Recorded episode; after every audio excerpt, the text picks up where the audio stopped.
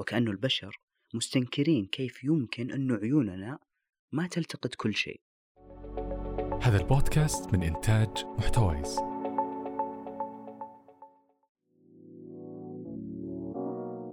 هذه الحلقة من بودكاست فصول محتوايز برعاية زين السعودية. أطلقت زين خدمة الجيل الخامس واللي راح تغير من عالمنا التقني بشبكة أوسع وكمان سرعة أعلى بعشر مرات من الجيل الرابع. الجيل الخامس يخليك متصل دائما وتستمتع بسماع البودكاست. لتفاصيل أكثر للحصول على هذه الخدمة وحتى أماكن تغطيتها في مدن المملكة حطينا الرابط لكم أسفل في قسم الوصف اطلع عليه.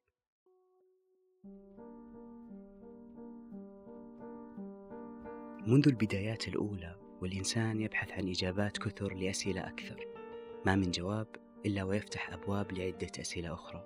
نعيش في فضاء واسع ما نعرف حدوده. وتحيط بنا أسئلة غير منتهية تعاطى معها أسلافنا البشر منذ قديم الزمان. أسئلة وجودية تتمحور حول ذات الإنسان وموضوع الوجود خارج ذهن الإنسان. هل العالم اللي ندركه هو هو العالم؟ موضوعات كثير قابلة للنقاش الذاتي والموضوعي المادي وما وراء المادة وغيرها الكثير من الثنائيات الجدلية اللي ما زالت في منطقة رمادية. في بدايات حياتنا تعلمنا كيف نبصر الأشياء من حولنا زي ما نتعلم كيف نمشي أو نتكلم يعني عملية تدريجية. فالبشر لا نتوقع منهم أنهم يولدون بقدرات بصرية مكتملة. القدرة على تركيز النظر تجاه هدف معين التحكم في تحريك العينين أو حتى استخدام العينين مع بعض كفريق واحد كل هذه يتعلمونها البشر مع الوقت. أغلب المعلومات توصلنا من خلال العينين على شكل مواد خام يتم ترجمتها في الدماغ وبالتالي تساعدنا على فهم العالم من حولنا. خلونا نتخيل المشهد التالي. بعد الولادة مباشرة يفتح المولود عينه بكل لطف وبطء. كل شيء مغبش أمامه وحتى وإن ركز بنظرة لجهة معينة ما يقدر يفرق بين التفاصيل. مجرد خليط من الألوان داخلة في بعضها. يبدأ عدم الوضوح هذا بالاختفاء وتبدأ الأشكال تظهر فقط إذا كانت المسافة ما تتجاوز الربع متر. وللصدفة العجيبة بين قوسين هذه المسافة هي نفسها بين عيون المولود وعيون الوالدين بالعادة. خلال الشهر الأول بعد الولادة تبدأ العينين في التنسيق بينهم وحاسة البصر تتطور بشكل سريع والتوافق بين النظر وحركة اليد تبدأ تتحسن في حين أن المولود يبدأ يتابع المجسمات المتحركة بتركيز أكثر وحتى محاولة الوصول إليها. وبنهاية الأسبوع الثامن وقبل بداية الشهر الثالث يبدأ المولود بالتركيز على وجه من أمامه سواء والديه أو غيرهم ويبدأ يتعرف على هوية الإنسان اللي أمامه من خلال تركيز النظر على الوجه. ولعل السبب في هذا هو مصدر الأصوات الصادر من هناك.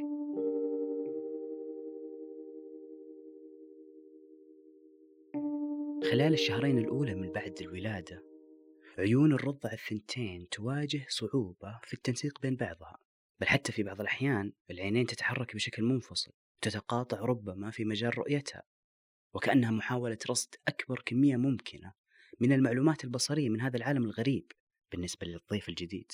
ربما تكون أول دلالة على خاصية الدهشة عند الإنسان هي هذه دهشة الطفولة اللي مع الوقت يفقدها الإنسان بسبب الاعتياد على الأشياء من حوله مع النمو والتقدم في العمر. بس مو كل أشياء من الطفولة نفقدها لما نكبر. لاحظ وأنت في مطعم مثلا تنتظر بكل لهفة طلبك. على الأقل زي ما طلبت أكثر الأحيان. شوف وقتها كيف مشاعرك تتحفز وتنتشي الشعور الأزلي اللي لازمك من أيام الطفولة أيام كانت فيها طلباتك محققة ومجابة. وأما فقدان حس الدهشة مع الوقت فللعدل مو كل الناس عندها تبلد من هالناحية. فنشوف مثلا أسلافنا من مئات بل آلاف السنين دونوا تصوراتهم واندهاشهم من هذا العالم. وحتى لو كان عند الإنسان الحديث نظرة نوعا ما دونية للأساطير والخرافات القديمة سواء اليونانية أو الشرق الأقصى أو غيرهم فيبدو أنه ما يسمى الميثولوجي أو علم الخرافات والأساطير ما هو إلا انعكاس لأهمية التفكير الوجودي عند الإنسان القديم بغض النظر طبعا عن النتيجة اللي وصل لها ومدى قربها من الواقع. في وقتها باقي ما توفر الإنسان على أدوات كافية لاختبار فرضياته. فزي ما يقال المعرفة أسيرة أدواتها. بالأدوات المناسبة نلقى أنه عدد من البشر قليل نسبيا نسميهم علماء تتبعوا حس الدهشة الفائض اللي عندهم وبذلوا جهود وأوقات في مجالاتهم. ممكن تصل إلى عشرات السنين من أجل معلومة واحدة قيمة تشفي غليل هالدهشة والفضول المصاحب لها. قد يكتشفون عوالم أخرى. وعلى طار اكتشاف العوالم الأخرى قصص غريبة حصلت متعلقة بهذا المجال.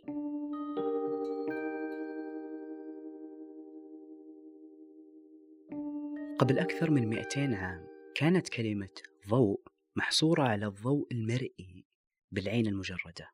ولكن في بداية القرن التاسع عشر عالم الفلك والموسيقار الإنجليزي المشهور ويليام هيرشل كان يسوي تجربة بسيطة يختبر فيها العلاقة بين ضوء الشمس والألوان والحرارة.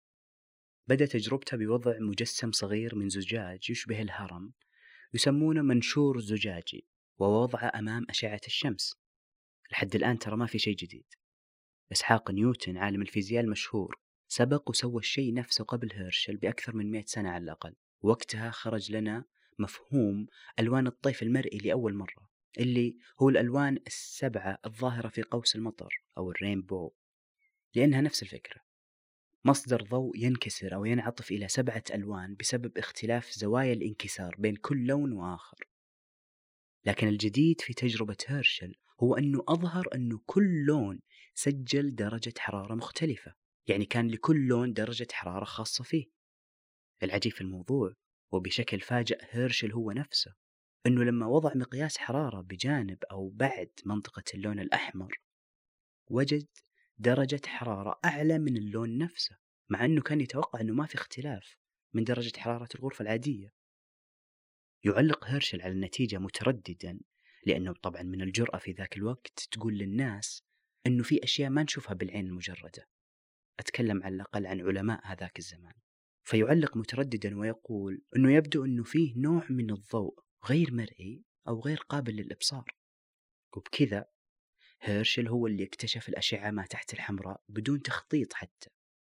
وبعدها توالت التجارب سريعا لاكتشافات أكثر في هذا المجال الجديد.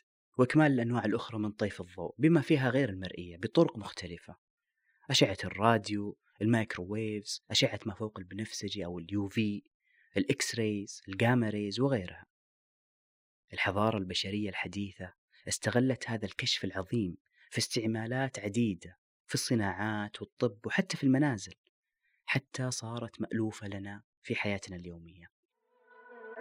في أغاني دايما تذكرنا بطفولتنا وفي صور لأماكن ما ننسى زيارتنا لها وفي عطور ريحتها تذكرنا بأشخاص حولنا. مع Golden Scent اهدي العطر اللي تحبه لمن تحب بأفضل سعر. من بين أكثر من عشر آلاف عطر أصلي حمل تطبيق Golden Scent من صندوق الوصف واستمتع بخصم إضافي مع كود عطر.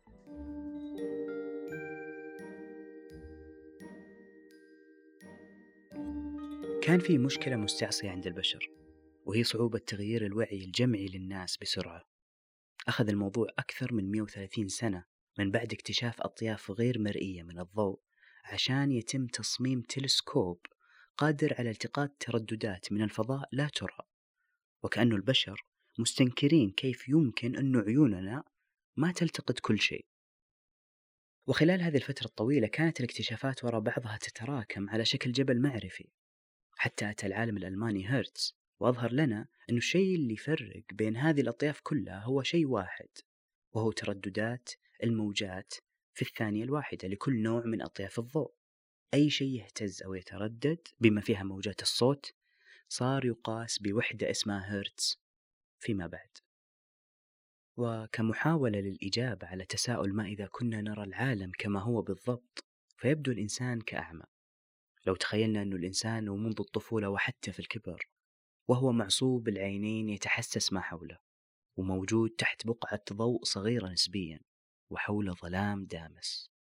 إدراكنا البصري للألوان تحديدا يعتمد على مجموعة من الخلايا اسمها مستقبلات ضوئية موجودة فيما يسمى بالشبكية في العين وهي بالملايين لكنها على أربع أنواع نوع له حساسية عالية لأطوال موجية طويلة زي درجات اللون الأحمر ونوع يلتقط أطوال موجية متوسطة مثل الأخضر ونوع يلتقط اللون الأزرق وأطوال الموجية القصيرة وأخيرا نوع رابع يتحسس الضوء أثناء الظلام. تغطية هذه الألوان الأساسية بهذه الطريقة مهم جدا لصنع كل الصور اللي مرت على عيوننا طوال حياتنا. إذا أعجبك محتوى هذه الحلقة وفي حولك من يهتم بهذا النوع من المواضيع نتمنى مشاركتهم الحلقة. وإلى لقاء قادم في حلقة جديدة وموضوع مختلف.